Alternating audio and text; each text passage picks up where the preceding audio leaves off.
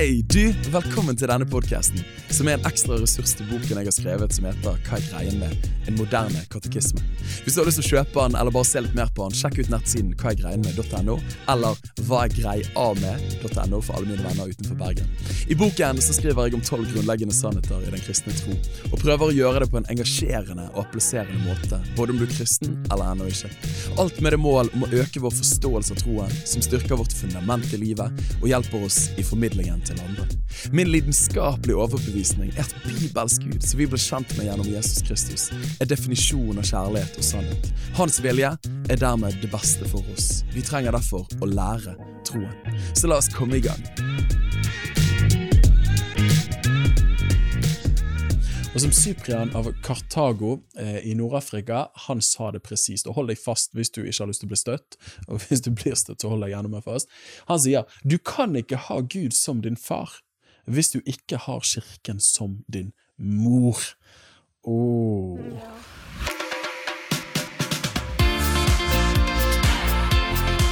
Velkommen til Preach-podkast nummer to med meg, Helene. Og meg, Daniel Sæbjørnsen. Stedet der vi ønsker å finne svar som er å sette fri og ikke fast. I denne måneds podkast nummer to søker vi å reflektere enda mer over månedens tema på bakgrunn av deres innsendte spørsmål, temafilmen, ekspertpodkasten og våre erfaringer fra livet og samlivet. Oh yeah, la oss begynne!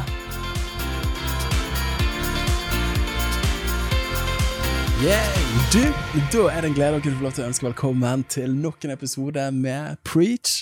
Og det er med meg og den beste co-piloten, shotgun, sidekicken, eh, andre part, eh, nemlig Helene. Er du klar for en episode? Jeg er klar, jeg er klar, jeg er klar. You're uh, awake and alive. Du trenger ikke Jeg er jo svare. i alle fall alive.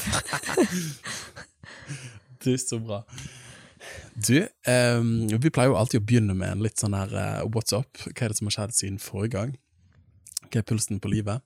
Um, og da må jeg faktisk uh, Det er mange ting vi kan si, men jeg må faktisk få lov til å bare skyte inn noe med en gang. Og det var at Jeg var på konferanse på fredag. Da var det en konferanse i en kirke her i Bergen. Og så møtte jeg en som uh, er en fjern slektning, men som uh, setter pris på disse podkastene her, da. Og eh, hvis du hører på Randi, shout-out til deg. Veldig kjekt å møte deg. Og eh, hun ga oss faktisk en gave. For at, eh, hun var så takknemlig for disse podkastene her, og, eh, og det å kunne få lov til å lytte inn. Og det var utrolig oppmuntrende. Og når jeg skulle ta en selfie med hun for å sende det til min mor, som er nærmere slektning med henne, så kom det en annen bort og sa 'jeg vil også ha en selfie med Daniel'. Og jeg hadde ikke peiling på hvem det var, men så sa han 'jeg digger podkastene, og særlig med deg og Helene'. Syns jeg er så bra. Og nå holder jeg fast, Helene, men han sa òg han sa at eh, min kone er familieterapeut, og når jeg hører på dere snakke sammen, så tenker jeg at dere bør begynne med samlivsundervisning.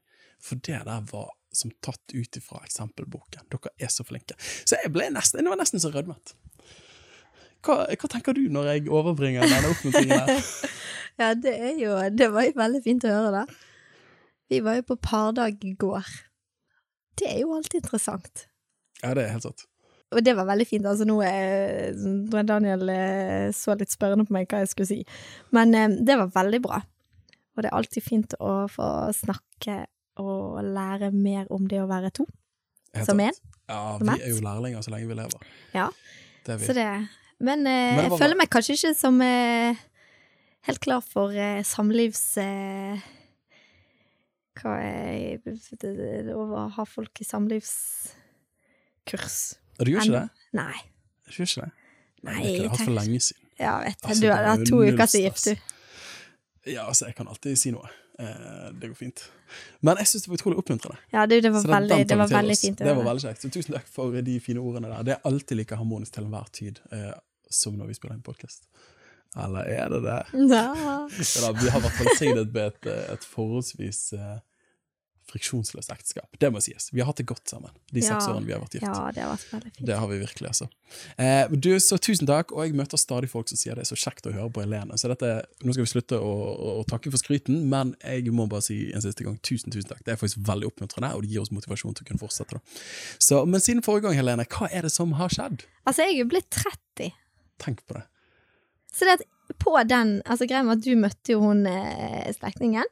Så dro jeg på et møte den kvelden, og da var det en sånn konkurranse, da. Og da var det de under 30 og de over 30. Og da skjønte jo jeg at jeg tenkte på meg sjøl som under 30, og plutselig kunne ikke jeg ta opp hånden for å være med. Mm. Liksom på det laget som var under 30, da. For da Ah. plutselig innså jeg at jeg var jo over 30. Så det, er jo, eh, det skal vi venne oss til. Men det har vært veldig fint. Det er faktisk stort. Det er en milepæl i livet. Du kommer aldri til å bli Ja, det 30 igjen. sikkert. Nei, men Og, du kommer jo eh, aldri til å bli noe annet heller igjen. Det er helt korrekt, Helene. Det er helt korrekt. Godt men, men var du fornøyd med bursdagsfeiringen? Veldig fornøyd. Ja. Husker du hva som skjedde? Ja, ja. Hadde rolig morgen. Du hadde, laget, du hadde samlet inn oppmuntringer fra masse folk. Så laget en bok, så jeg gråt meg eh, gjennom eh, på morgenen. Kom bare halvveis, for jeg tenkte kanskje fortsette. Jeg gråt resten på kvelden. Mm. Jeg syntes det var så fint. Eh, spise. Grandiosa til middag, Ja. for sånn er jo vi litt. Det er sånn oi, vi må ha noe til middag i morgen. Bursdagen din. Åh, skal vi ta noe enkelt? Ja, det gjør vi. Hva tar vi? Grandiosa. og så skal vi ut og spise middag på kvelden, og så ble det litt for sosialt før vi, så, så, før vi kom oss av gårde. Så da hadde jo alt stengt foruten McDonald's, så da ble det burger. Ja, det ble det faktisk. Så det at jeg på en måte føler meg sånn som jeg holder igjen som Helene 18, da. Når du spiser Grandiosa og eh, hamburger på bursdagen din. Det er jo noen som blir 29 for femte gang. Ja. Så dette det kan Men jeg kan ikke huske at jeg var 29. Nei, ikke sant. Så kanskje det er det jeg egentlig skal tenke. At det, ja, nei da. Uansett. Veldig spennende. Veldig kjekt. Fikk robotstøvsuger Oh, og vasker til eh, bursdagen. Jeg har ikke ett teknisk gen i kroppen min. Så når jeg ser det, sier jeg 'Å, tusen takk, det ble helt supert'. Men det er bare sånn, ingenting i meg tenker at jeg skal åpne den boksen en gang. Så den bare står der inntil Daniel finner ut at eh, han må gjøre det. Og heldigvis så finner han ut at han skal gjøre det. Hvis ikke så hadde han stått i boksen ennå. det hadde han faktisk. Og det beste er at det var Helene som ønsket seg robot. Ja, ja. Og jeg er strålende fornøyd. Men det er ingenting i meg som har lyst til å åpne boksen. For det er bare sånn åh, det er den som jeg må koble inn en eller annen ledning, og som jeg leser på en bruksavis. Det er det ingenting i meg som har lyst til å gjøre. Men det må da sies at jeg har fått meg bikkje. For jeg syns det er utrolig gøy med robotstøvsugeren. Holdt på å programmere den i flere dager nå. Kjøre den rundt på appen. Det var utrolig gøy. Så jeg har lagt det ut på Story og fikk liksom tilsvaret. Det er bare sånn, Dette er så 2018. Så det kan være at vi er litt late bloomers når det kommer til robotstøvsuger. Det er i hvert fall utrolig Det er jo det gøy. eneste det barna våre kommer til å få dyr. Altså, Ja. Jeg tror jo alle vi kommer til å eie dyr, så det er de får ta til Ja, takke med den robotstøvsugeren. Men Jakob får ikke lov å ta på den. Så det, det kan jo være vi må bli litt romslige. Hvis han først skal ha et kjæledyr, så må han nesten få lov å klappe den litt. Ja, hva vi skal kalle den, så dette gjerne send forslag der. Så Nei, jeg har faktisk kalt den. Jeg har faktisk kalt den på appen. Vet du hva jeg har kalt den? Nei. Purity Pastor. Det er det han heter. Purity Pastor. Renhetspastoren vår. Så det er bra. Du, eh, vi har hatt påskeferie. Det var utrolig intenst, det må sies. Vi var med familie på hytte, og kjære gode Jesus, det var utrolig intenst. Masse unger.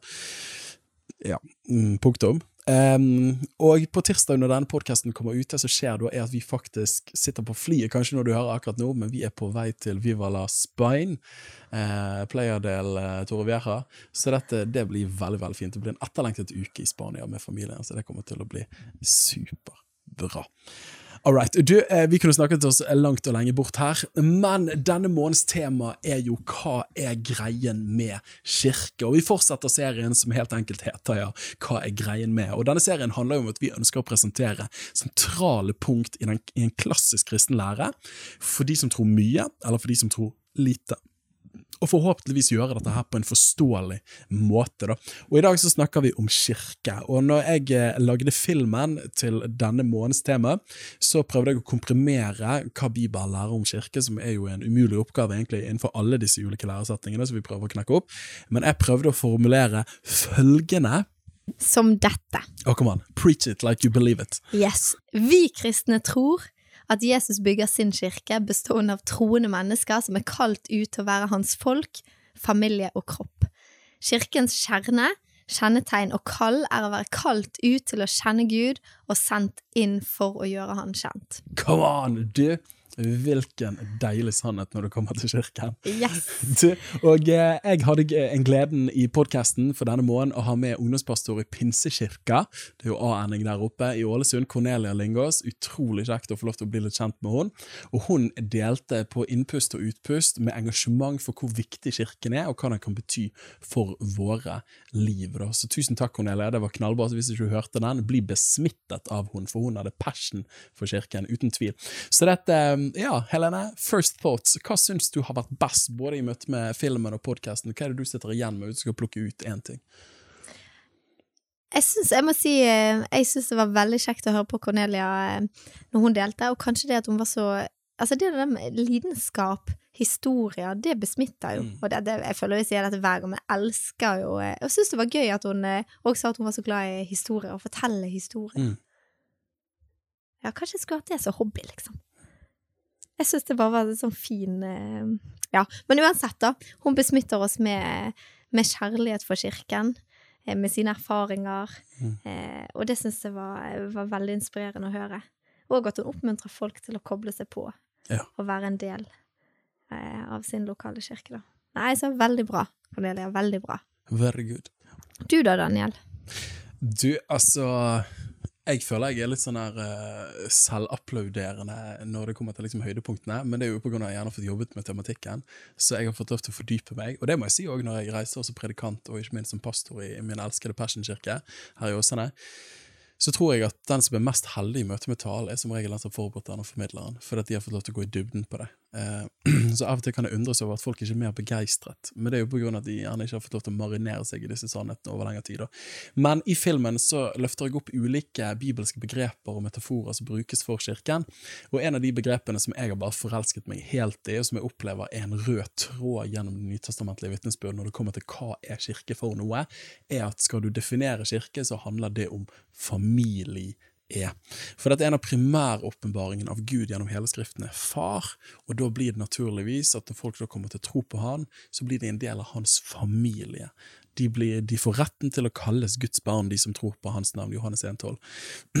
så dette, tanken om at kirke er familie og ikke et foretak, kommer sikkert til å snakke litt mer om det etterpå, men det er veldig sterkt for meg. Og det utfordrer meg veldig på måten vi driver kirke på. Lever vi kirke som familie, eller går vi til kirke som en aktivitet, og noe vi kan velge oss inn og ut av? Eh, ja. Så det tror jeg er nok det som står ut for meg først, da. Ja. Så bra. Du, vi tar og hopper inn i spørsmålet. Takk til dere som har sendt inn spørsmål. Vi begynner med spørsmål én. Hvorfor sier noen kirke, mens andre menighet? Og hva er forskjellen på de to? Mm. Skal jeg fyre av gårde? Ja, ja. Ok. Eh, du, eh, hvis vi da tar og ser litt på opprinnelsen av disse ordene her, så ordet menighet, det kommer fra det danske menhed. Menhed. Kan du se, klarer du å si det? Menhed. Nei, jeg vet ikke hvordan jeg sier det. Tenker sørlandsk. Menhed. Menighet. Menhed. Og det kommer fra middelnedertysk. Meinheit. Ja, kan man si det? Mannheit. Du har Ja. hatt tre år med tysk. Ja, du har hatt seks, har ikke du det? Fem. Fem år.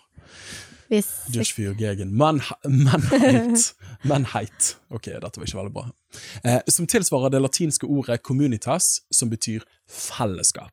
Så menighet kommer da altså fra eh, dette middelnedersk-tyske ordet menheit, som kommer fra det latinske ord, eller tilsvarer det latinske ordet communitas, som betyr fellesskap. Og da henspiller det tradisjonelt på at medlemmer i et geografisk område av en kirkelyd kommer sammen til gudstjeneste. Og dette ordet menighet er da brukt mye av frikirkeligheten. da. Jeg og Helena vokste opp i, i frimenigheter, og, og da bruker man ordet menighet mye. Ordet kirke kommer fra det greske kyriakos, og det betyr helt enkelt det som, te, det som hører Herren til, og har tradisjonelt blitt brukt om kirkebyggene som de kristne begynte å reise i Romerriket på begynnelsen av 300-tallet, etter at Konstantin hadde anerkjent den kristne troen. Og det som er litt artig her, mine venner, du som stilte spørsmålet, er at hvorfor sier noen kirke og andre menighet, så må jeg faktisk si at begge disse ordene her, både kirke og menighet, ikke er bibelske ord i den forstand at de brukes i Det nye testamentet. Det greske ordet for menighet, som vi finner eh, i Det nye testamentet, er eklesia, og det betyr helt enkelt de som er kalt ut. Og dette var egentlig et sekulært terme som de nytestamentlige forfatterne og Jesus tar eh, og bruker da for å forklare det kristne fellesskapet. Og det handler jo da om de som er kalt ut for å kjenne Gud, og da kalt ut for å bli sendt inn for å gjøre Han kjent, som jeg sa i definisjonen. da.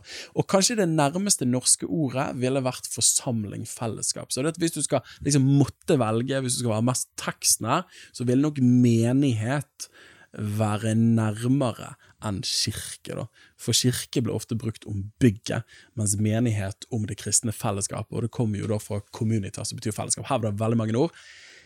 Ja, så verken menighet eller kirke er ord du finner i Nytestamentet, men det beskriver jo da virkeligheten som Nytestamentet eh, forteller om, nemlig om det kristne fellesskapet, forsamlingen. Da. Ja. Så dette, disse ordene, kirke og menighet, brukes i dag om hverandre. Ikke sant? Hva bruker du, Helene? Hva velger du å bruke? Oi eh,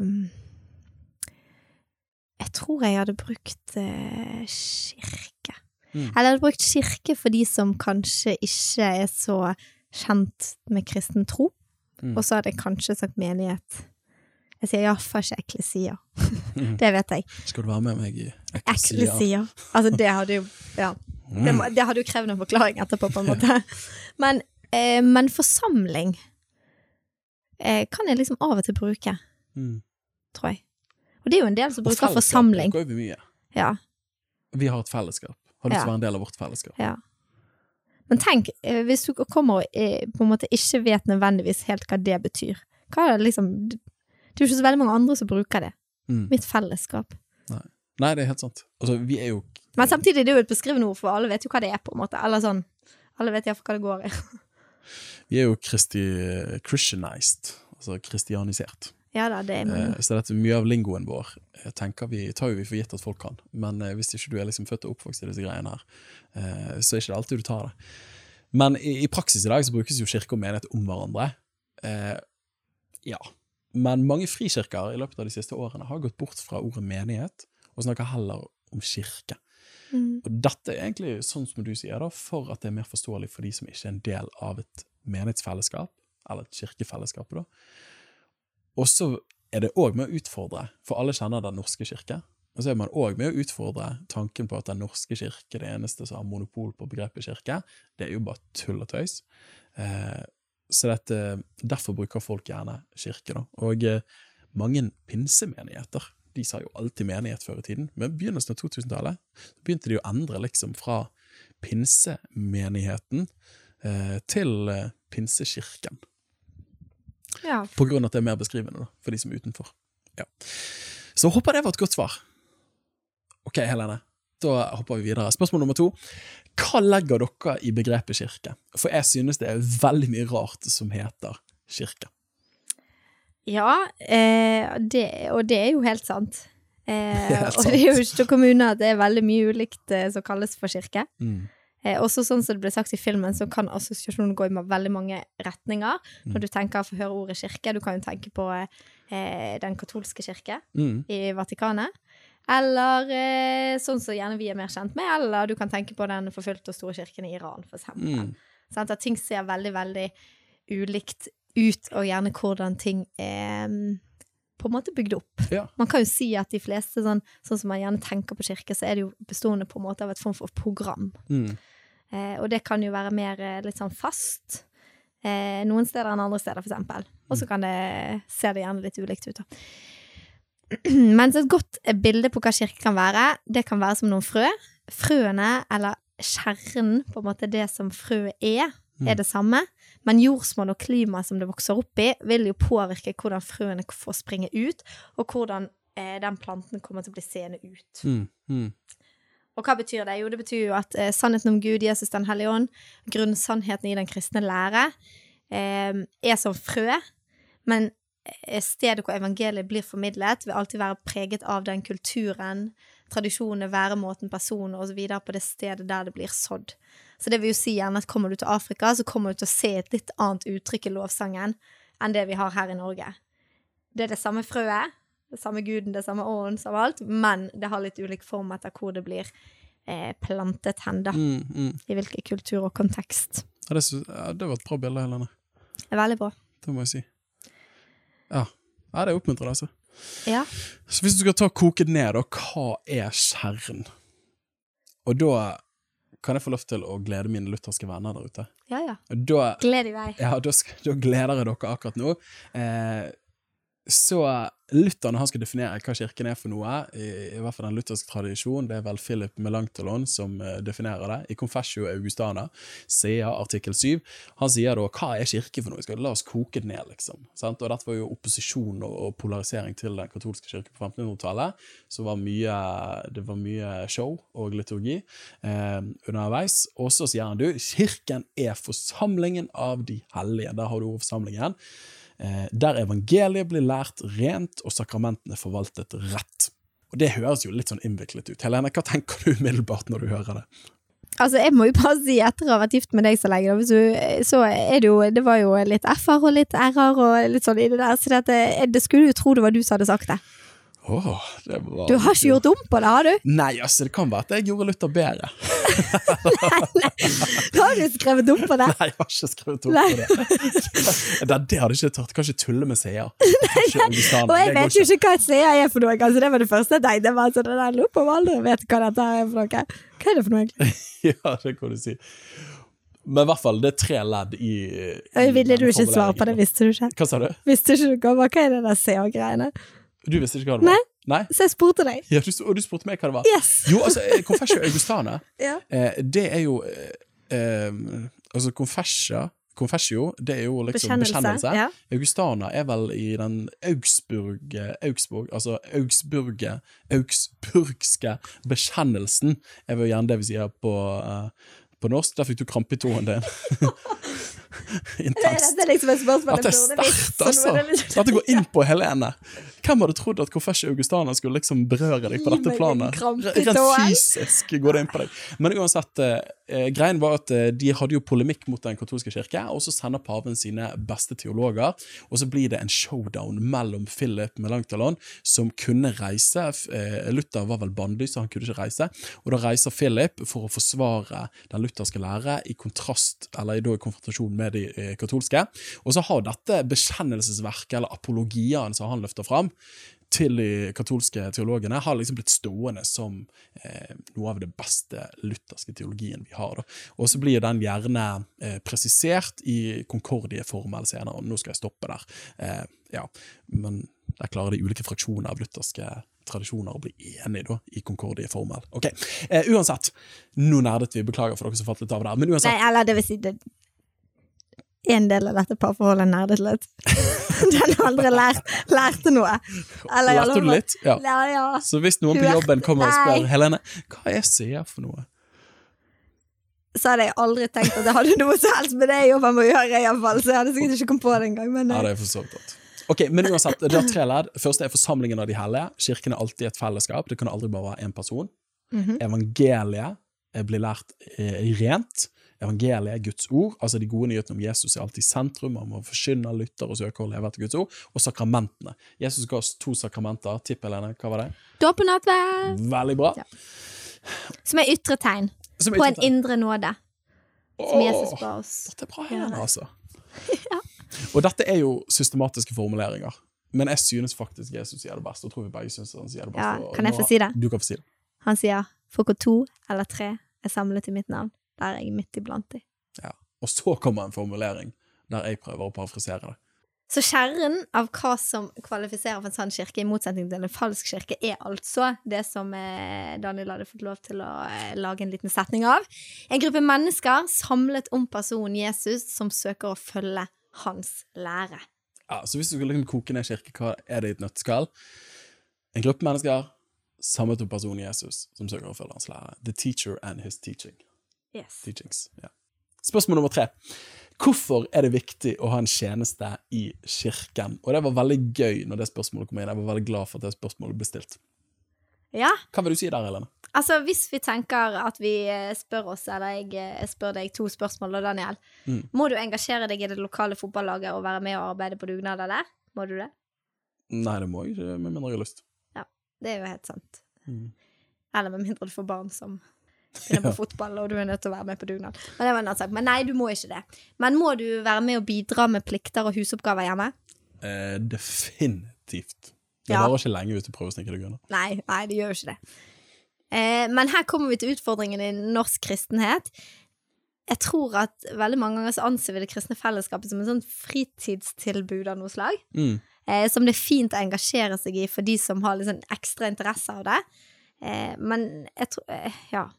Jeg tror på problemet med det er at det er jo egentlig ikke en bibelsk forståelse av det kirke er for noe, Mm. men kanskje mer et litt sånn produkt av sånn som vi ser samfunnet i dag, som et litt sånn konsumeristisk samfunn. Mm. Og jeg tror ikke nødvendigvis vi som vokser opp i dag, tenker så mye over at det er vi har et konsumeristsamfunn, kanskje, Ja, for, for vi har bare vokst opp til det. Ja. Men vi er jo litt sånn at jeg tar det vi vil ha, hvis, fordi at vi har så utrolig mange muligheter.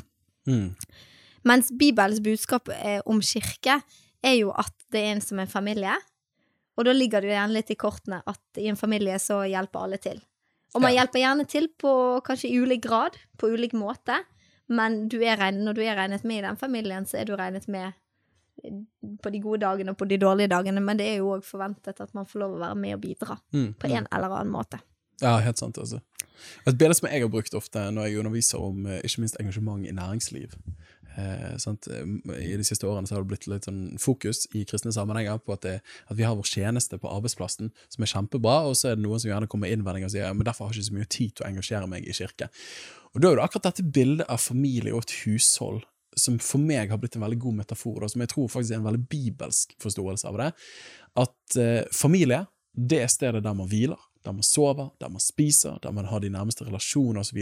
Men så går man ut hver dag for å arbeide, og bruker mesteparten av døgnets våkne timer utenfor hjemmet.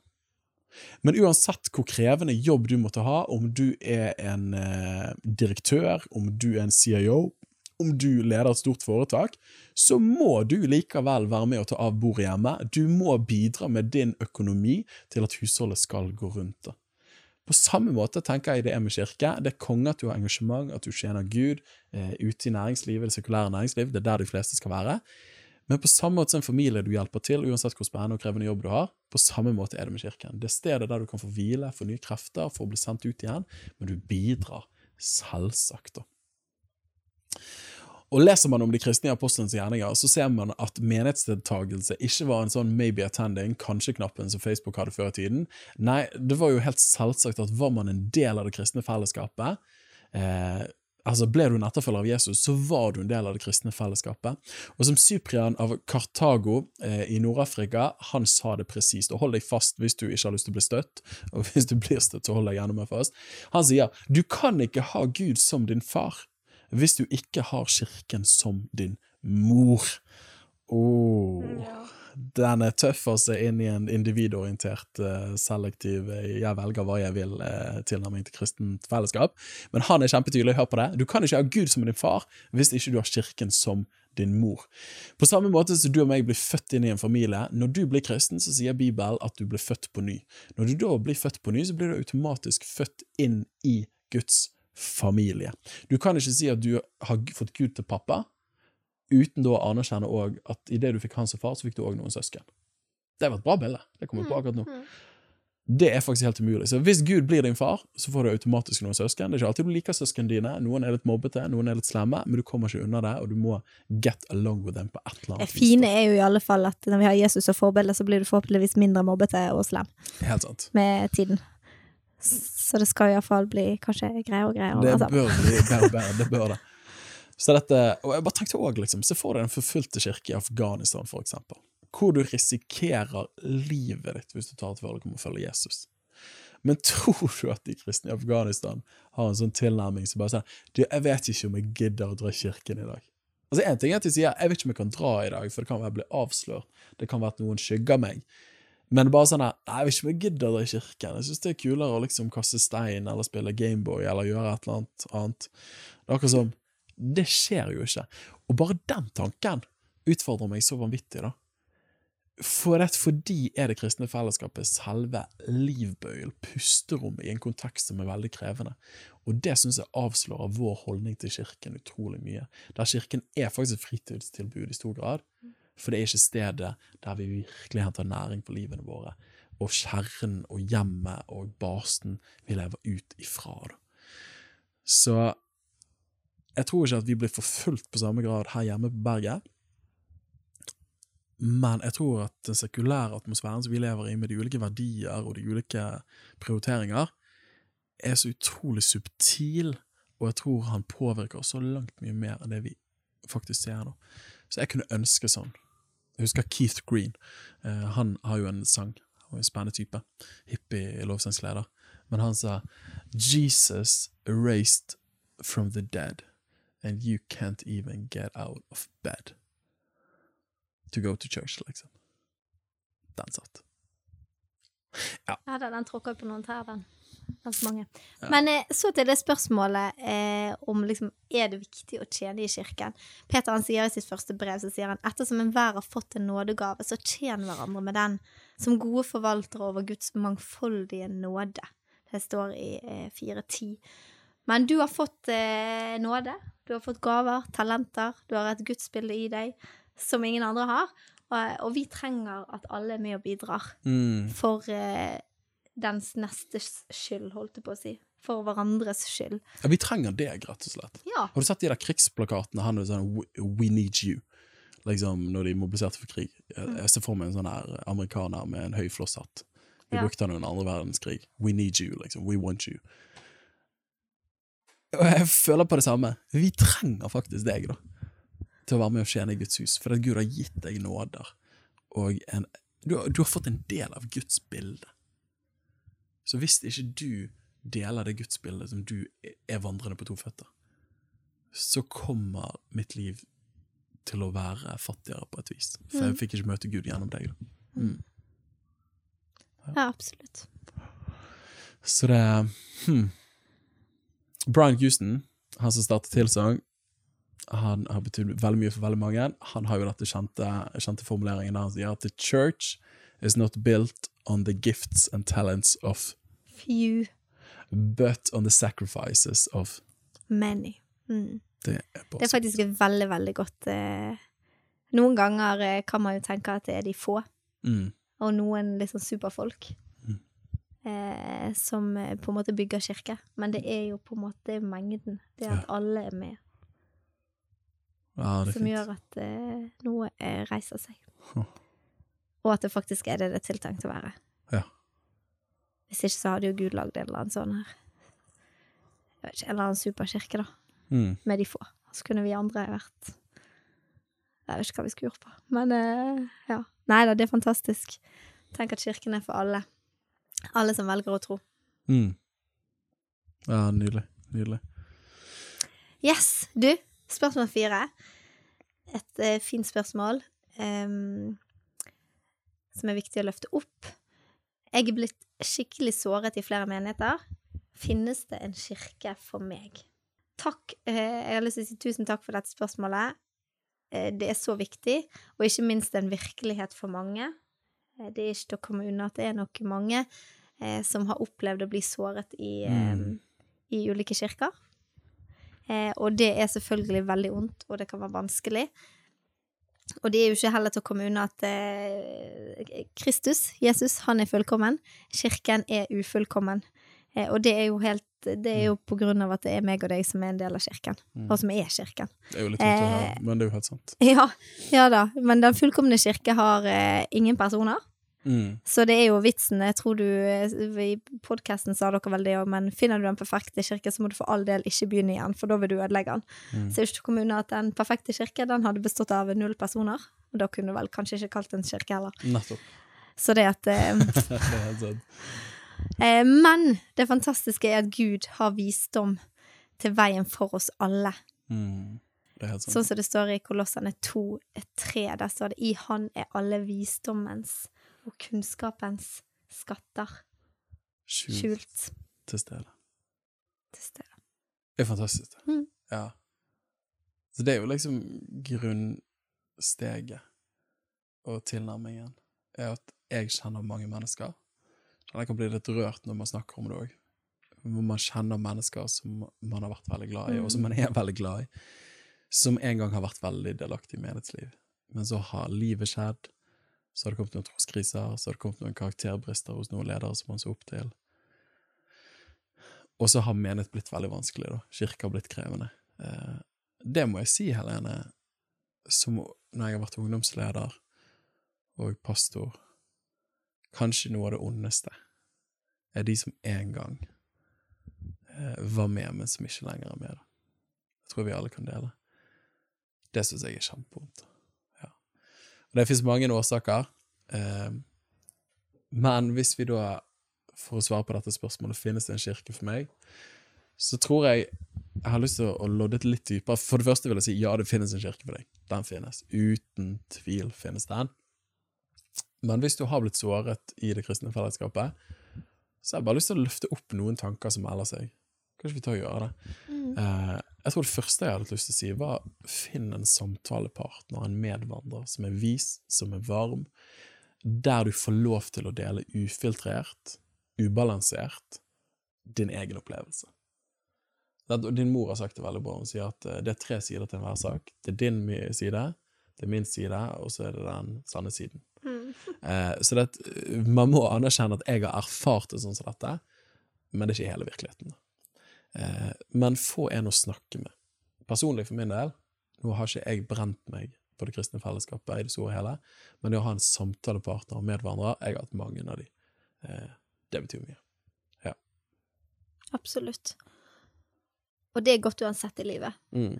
Så det at, men eh, ja, noen ganger trenger man jo Mange ganger trenger man jo snakke gjennom ting. Mm. Og det kan være mye som løser seg òg bare ved å få sette ord på ting.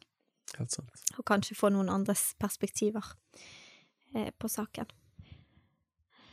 Yes, num punkt nummer to, da. Eh, liksom inn mot hva eh, kan være lurt å gjøre i en sånn situasjon. Eh, tilgi de som har gjort eh, urett. Hvis det er noen du kjenner har eh, gjort deg urett, så eh, tilgi de. Eh, og tilgivelse er veien til frihet. Eh, så det anbefaler vi. Mm. Tilgivelse kan ikke bli ropt høyt nok. Det neste henger jo tett sammen med det, men det er faktisk be om tilgivelse. Gjør opp, så langt det er mulig, da, i så fall.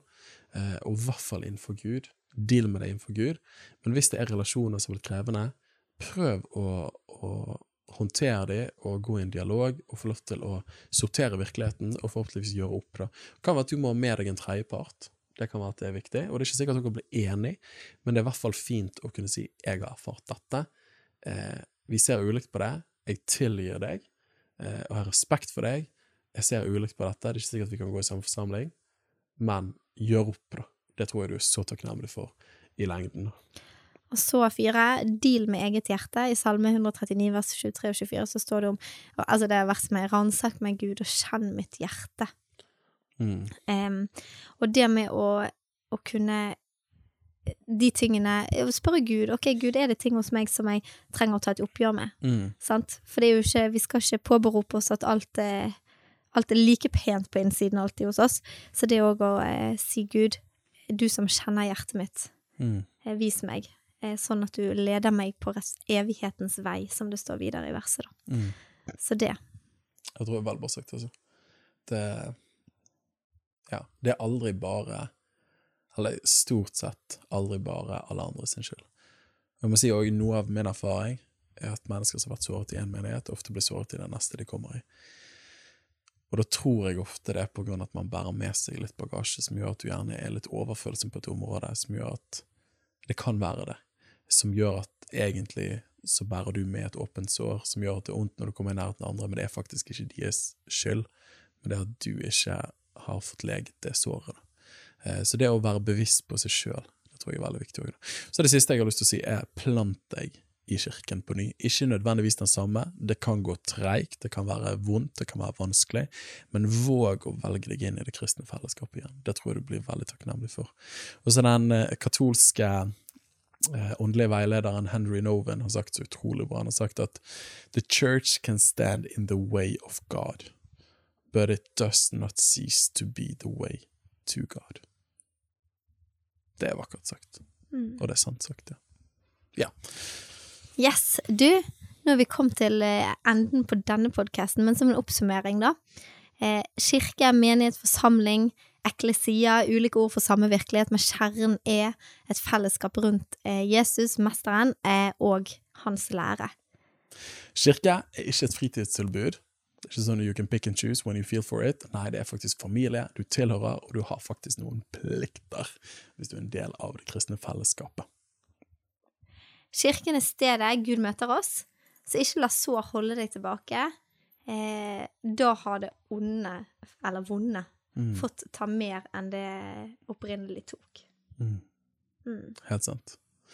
Du, jeg håper at eh, denne podkasten her var med å oppmuntre deg inn mot dette spørsmålet her. Du, Tusen takk for alle innsatte spørsmål, og at du lytter inn. Vi er superglade og at det er utrolig gøy med all responsen i det siste. Eh, tusen takk for at du er med på reisen vår i Preach, der vi ønsker å finne svar som setter fri, og ikke setter fast. En episode er over. Jeg håper du fikk mye ut av den. Hvis du er giret på enda mer, sjekk ut boken på hvaegreienmed.no og andre ressurser som finnes der. Og til slutt har jeg lyst til å dele bibelverset som har vært min drivende motivasjon bak det hele prosjektet, som er Paulus sine ord til Timoteus. Gi nøye akt på deg sjøl og på læren. Fortsett med det, for når du gjør det, skal du frelse både deg sjøl og de som hører deg. 1. Timoteus 4,16. Så la oss lære å leve troen til liv for verden.